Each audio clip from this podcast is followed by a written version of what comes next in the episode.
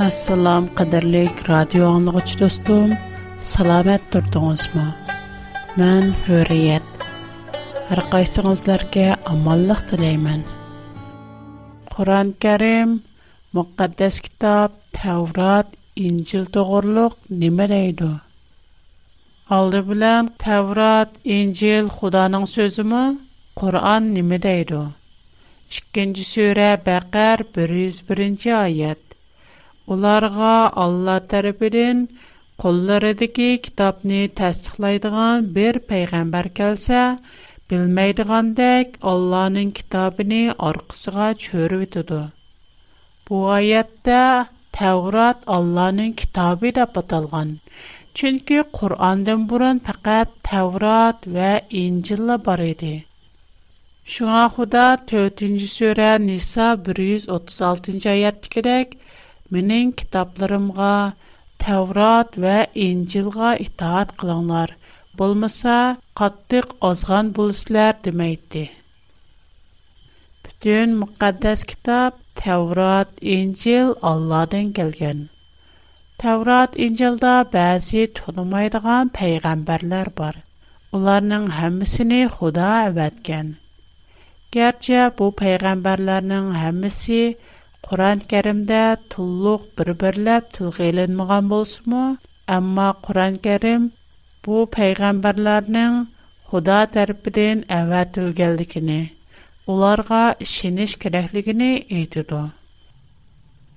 4-нче сүре Ниса 163 164-нче аятны күреп бакайлы.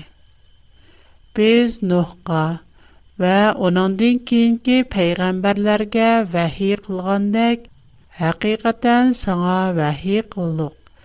Әмді Ибрахимға, Исмаилға, Исаққа, Яқубқа, Яқубның әвладларға, Исаға, Айыпқа, Юнусқа, Арынға, Сулайманға вәхи қылдық. Даудқа зәбірне ата қылдық. Без нургон пайгамбарларны әваттук. Уларның арасында илгире саңа баян кылганларымыз мо бар? Саңа баян кылмаганларымыз мо бар? Алла Мусага сөз кылды. Шуңа гәрчә уларның һәммәсе тулык тылгы эленмәгән булсымы, әмма уларның һәммәсе Алладан килгән.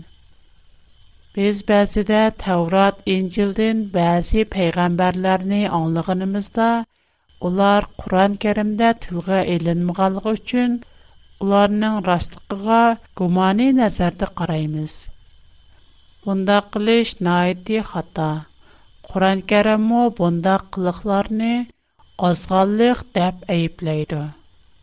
Gerçi Quran-Kərimdə müqəddəs kitab Təvrat və İncil – Allah'nın sözü, Allah'tan kelgen dep eniq tur simo, amma biz köpçemiz bu kitaplar özgergen, burumlanğan deymiz. Allah'nın sözini özgergen dep onunğa şək geldirimiz. Agar biz Allah'nın sözü bolğan Tevrat və İncilni özgərdi desək, ondaqda Allah'nın sözü U ئەسنە sözләре булган мүқәддәс китапларны күгдәе алмады. Қуран-Каримдә Алла мүқәддәс китапны күгдәшкә вадә 15-нче сүре, 9 10 13-нче аят. Шәкбсез ки сенеңдән илгәри бурынкы һәр кайсы тайипларга нургын Улар Куръанга ишенмейдү. Бу бурындын адат болуп калган иш. Бу аятны тахлил кылып көрөлү.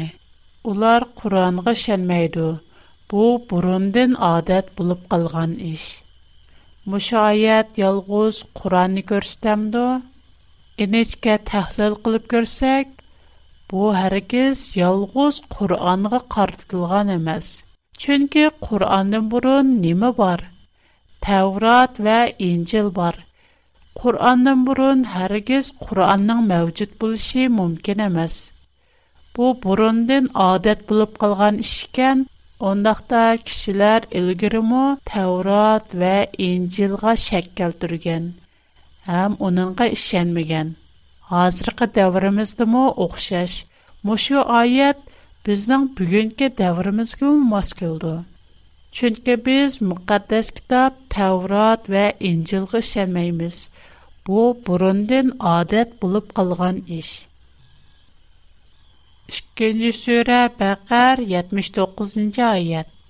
Kitabni öz qolları bilan yazıb, onu az pulğa setiş üçün bu Allah tərəfindən nazil bolğan digicilərə vay. Qulu bilan yazğanları üçün onlara vay erişkən nərslər üçün onlarga vay. Bu ayət müqəddəs kitab Tevrat və İncilnin özgərgənligini deməkmi? Yox, ondaq emas. Bu ayətnin iki xil mənisi var. Birinci, Moşe ayətdə Xuda özünün müqəddəs kitab Tevrat və İncilni qoğdaydıqalıqqa vədə bərgən. Әгәр бер адам Алланың вәдисен үзгәртсә яки үзгәртишкә орынса, Алланың ләнәтен алды. Шоңа, Худа муша аят аркылы өземнең китабын кугдаймын дейди. Икенче муша аяттан Мухаммадның вакытында хакыйкы нусхы бар. У тугра вә рас үзгәрмәгән. Әгәр Мөхәммәднең вакытында хакыйкый рас, Тогра, Таврот ва Инҗил булмаса, немини үзгәртишкә урынды, немини үзгәртишкә булмайды. Bu ayət yüzəki halda ayət özgərgən davatqanda qılsımı, əmma bu ayət yanala şu çağdiki, yəni Yahudilarının qolidiki Tavrat və İncilnin haqiqiy to'g'ri ekanligini ishorat qildi. Demak, bu oyat bizga ikki masalani tushuntirib turdi. Biri Alloh o'z so'zini noiti qattiq qo'g'daydi. Kimki Allohning so'zini o'zgartirishga urinmoqchi bo'ldikan, u intayin ig'ir la'natni oldi. Yana biri Muhammad vaqtidagi Tavrat va Injil nihoyatda to'g'ri. Программа ахырда достумга адресимни deb bermoqchiman. Agar men bilan aloqalashishni xohlasangiz, qalam va qog'oz tayyorlab qo'ysangiz, programma oxirida adresimni xotirlab ola olasiz. پتن مقدس کتاب الله نین کتابی قرآن کریم ده تورات انجیل از گرمیان اشکن شوره بقر قرق قرخ برنجایت ای اسرائیل اولادی من از яд برگن نمتم نی یاد ایتان لر معا برگن وعدان لرگه و باق لان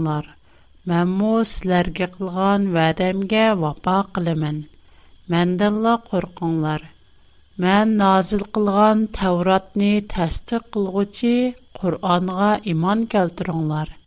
Куранны беренче булып инкар кылгычы булмаңлар. Аятларымны арзан баһада сәтәтмәңләр. Маңа тәкъвадарлык кылыңлар. Уларның кулыда, яни яһудларның кулыда неме бар? Тәврат бар.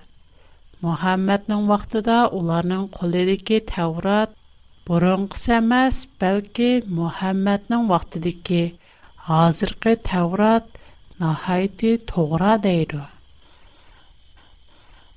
10 сүре юнус 64-ші аят алла вәдісіге хылаплық қылмайды әні шу қатта бәқіттұр оныңдың башқа башқы тәржімелерді мұшы Xudanın sözünü hərgiz özgərtəlməydi, deyə tərcümə qılınğan.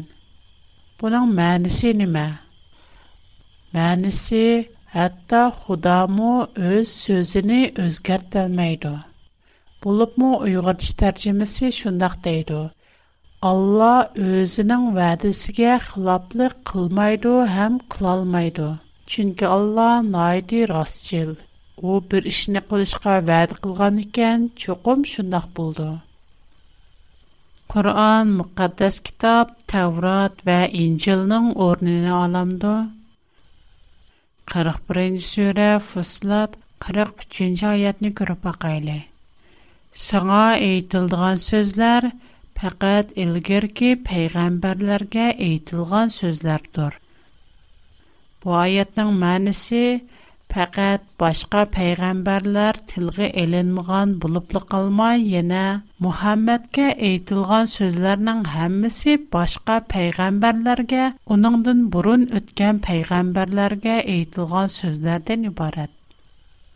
Чынки, худа, инсалар оқшаш, өзінің сөзіні унтып қалдыған унтыга қамаз.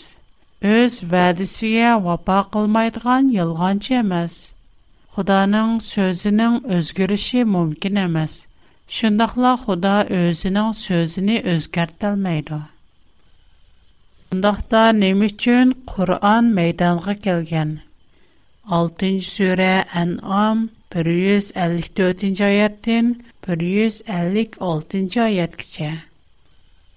Sizlarning faqat Bizdən ilgirki iki taifəla kitab nazil qılınğan ularning o'qigan kitoblaridan bizning zodila xabarimiz yo'q demasliklar uchundir 32 sura sajda 3 oyat Səndən ilgiri heç qandaq bir peyğəmbər gəlməyən bir qəvmni hidayət tapsın deyə ularni ogohlantirishing uchun parvardigoring tarafidan kelgan haqiqatdir Yuqorida bir neçə ayətni görüb ötdük. Aşu ayətlər buyincə Qur'anni əvətiş səbəb nə? Kitaplarni əməldən qaldırışmı? Yox.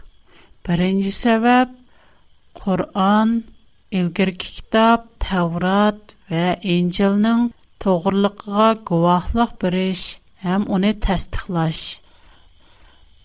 Şundaqla kişilərni Мүкәддәс китап Таврат Инҗилгә шинишкә шу буенча эш күрешкә үндәш. Яны бере Мүкәддәс китапларга ишенмәгечләргә сәбәп калдырмаслык. Улар кыямат көне һәргиз бана тапалмайды. Улар билмидек, түшенмидек диелмәйды. Чөнки Куранның үзе кешеләрне Худаның сөзен аңлаң Tavrat və İncilğa işinin dəb ağaqlandırdı. Qur'an özü doğrusu nə deyir? Bayı dəb ötkünümüzdək, burun görüb ötkən ayətdikidək, Qur'an özünü ağaqlandırğıcı, təsdiq qılğıcı, Tavrat və İncilğa guvahlıq bərgücü, onların toğurluğunu bayan qılğıcı deydi. Bəzilər Muhammed həmmədən uluq, həmmədən üstün deyə oylaydı. Amma Quran-Kərim 2-ci surə Bəqər 136-cı ayət və 3-cü surə Al-İmran 84-cü ayətdə Həmmə peyğəmbərlər oxşar, barlıq kitablar oxşar, heç qaysı bir-birindən ayrıla almaydı Bu ayətni görüb baxaylı. Әйтіңлар ки, Аллаға иман еттіқ, бізге назыл қылынған вәхиге, Ибрахимға, Исмаилға, Иссаққа, Яқыпқа вә оның авлатларыға назыл қылынған вәхиге, Мусаға бірілгенге, Исаға бірілгенге, Вә пәйғәмбәрләргә пәрвәрдігәрі тәріпіден бірілгенге иман еттіқ ularning hech birini ayirib etmaymiz. Muhammadning o'zi mu muqaddas kitob bo'lgan Tavrot va Injilga shengan. Shundaqla boshqalarini mu Tavrot va Injilga ishonishga shu bo'yicha ish qilishga undigan, da'vat qilgan.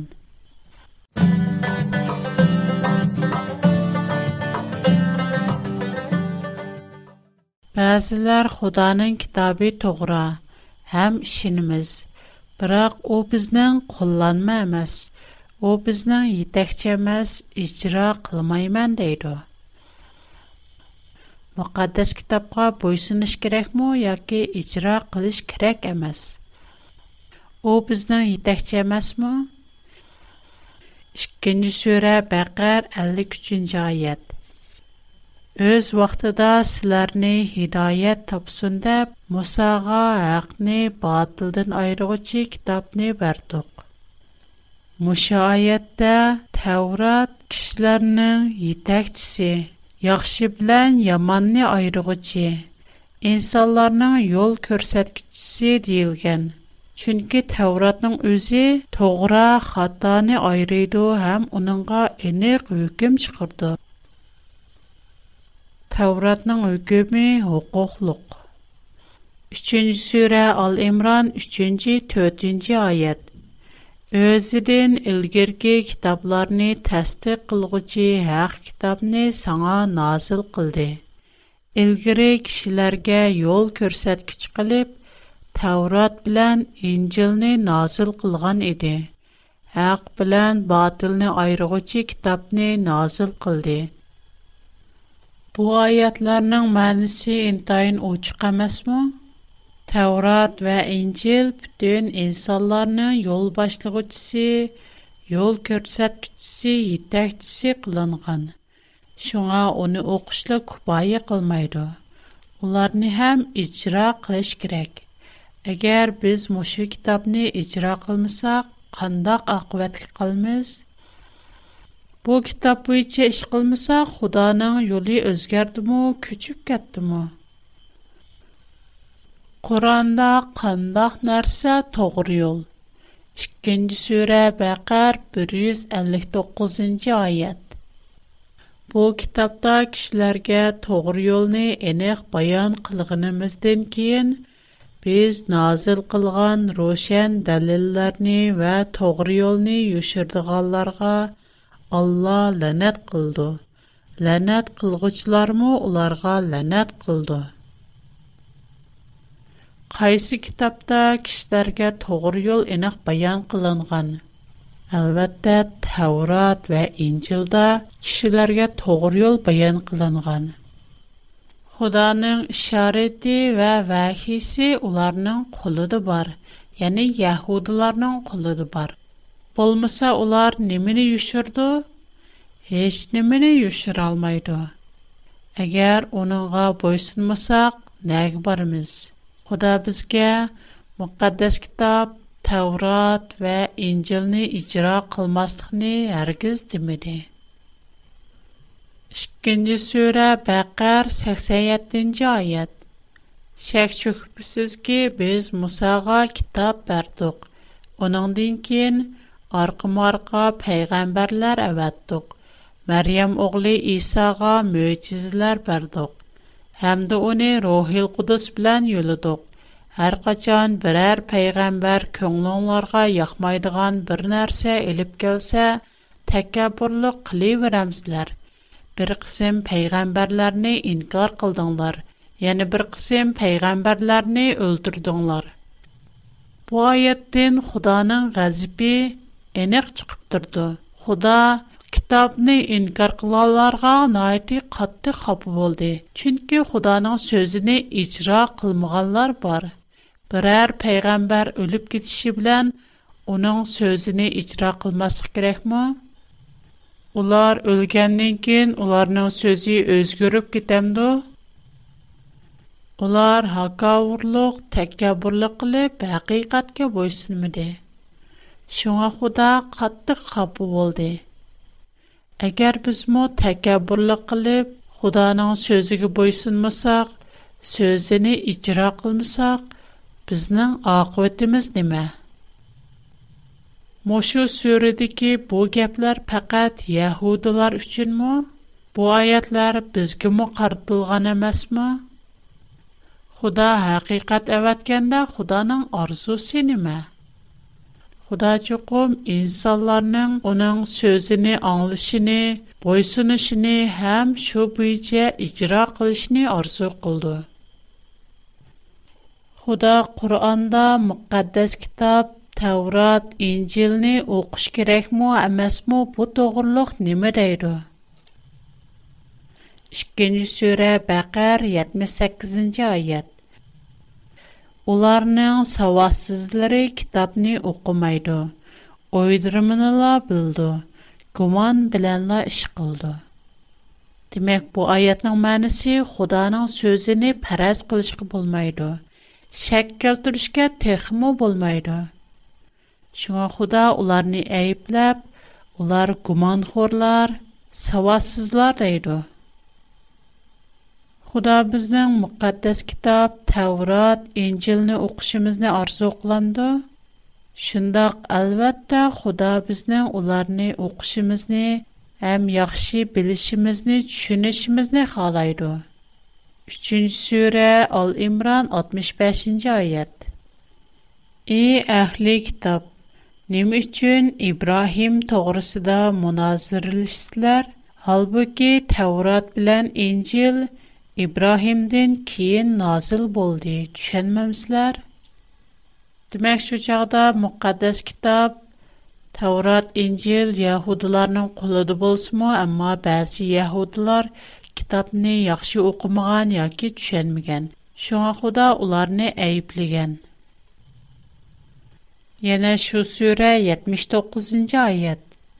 Алла برر инсанга غا کتاب نه حکمت кин, پیغمبر لح نه برگندین کین. اون انجیلر گه الله نه قیوب معا بند بلوندار دیشی لایح بول میدو. ولی کین کتاب نه یوگت کلیکانلار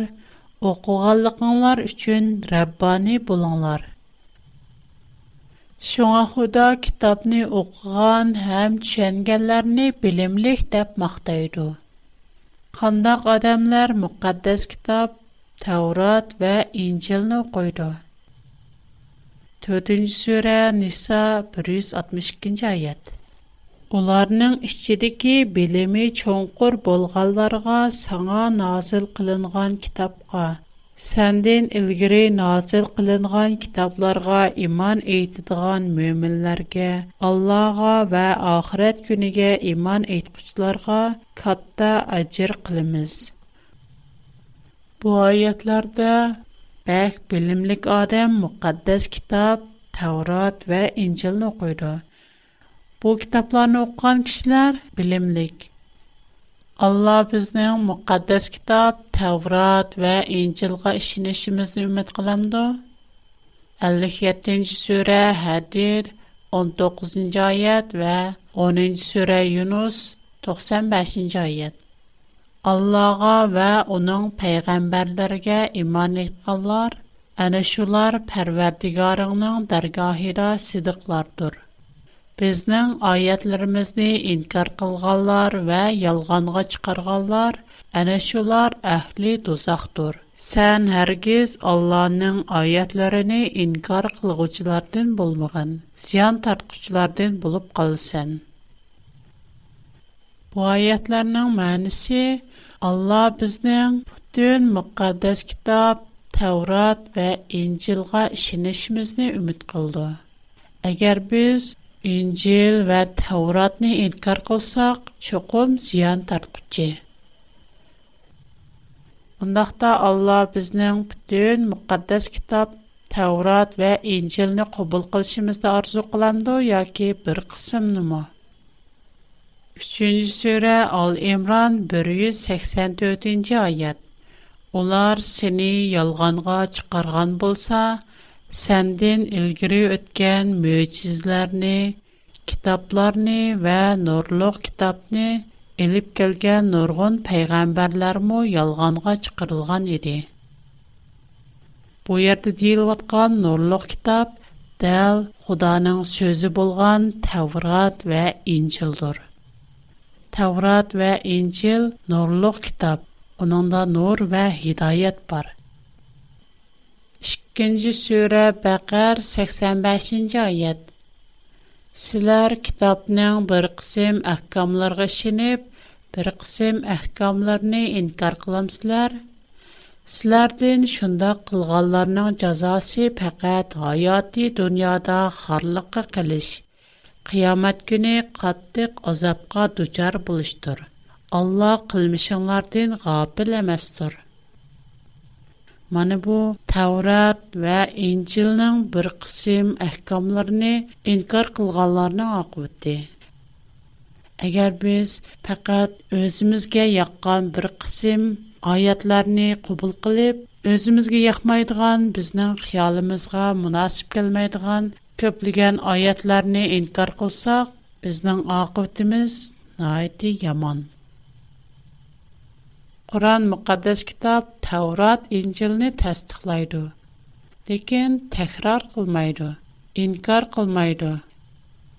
Yəni Quran müqaddəs kitab Tavrat, İncilni qoğdaydı. Biz bu vaxtki bir neçə ayətni görüb baxaylı. 2-ci surə Bəqər 41, 48-ci ayət. Biz həqiqətən Tavratni nazil qıldıq. Təvratda hidayət və nur var. Biz sənə özüdən ilgirki kitablarını itiraf qılğıcı və onlara şahid bolğıcı haq kitabını nazil qıldıq. 10-cu surə Yunus 37-ci ayət. Lakin Qur'an ilgiri kəlgən kitablarını təsdiq qılğıcıdır.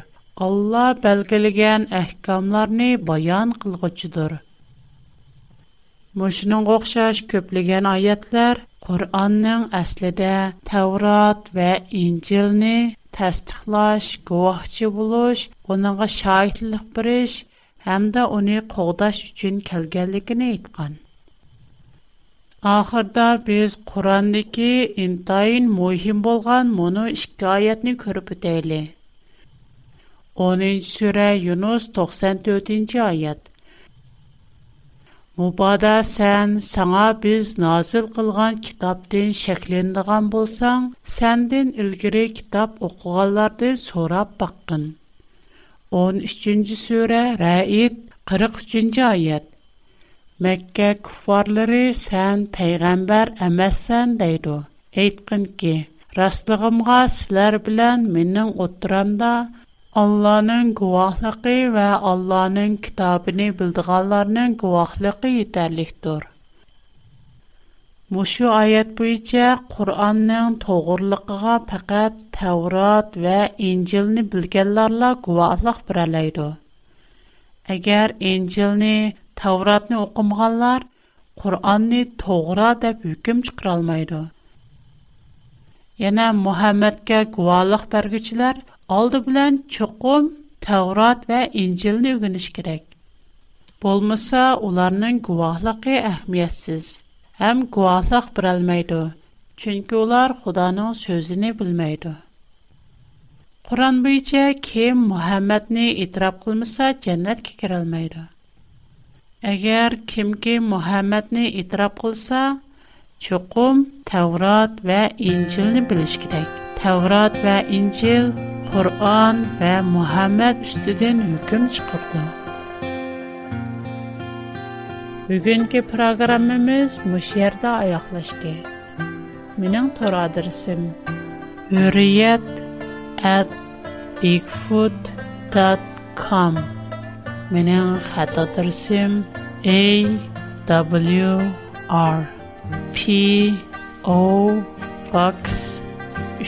a w r Hong Kong. Mening hanzicha xato darsim Shangang Yujin Zongju Xishan 310 numar. Xo'sh, Xudoga amonat. Xushvaqt bo'linglar.